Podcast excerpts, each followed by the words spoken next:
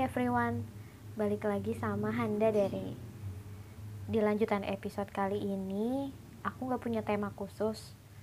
Paling mau cerita sedikit aja tentang beberapa hal yang aku tulis di hari-hari kemarin.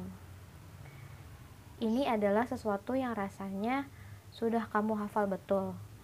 Tapi entah bagaimana, masih betah, tidak berubah dengan menyingkir dari jalan seseorang yang tidak menginginkanmu, kamu sudah melapangkan jalannya agar segera bertemu dengan cinta yang dia impikan. Tentu bukan kamu, tapi tentu bukan berarti kamu tidak layak untuk siapa-siapa. Memang bukan saja, bukan dia orangnya. Bila sangat mencintainya, membiarkan dia pergi atau kamu yang pergi adalah hal terbaik yang bisa dilakukan Tentu bagus melepasnya untuk berbahagia kan? Ini juga kabar baik untuk seseorang yang sedang menunggumu di depan sana. Semua jadi lebih cepat kembali ke jalan yang tepat. Tidak ada yang sulit dengan itu, seharusnya.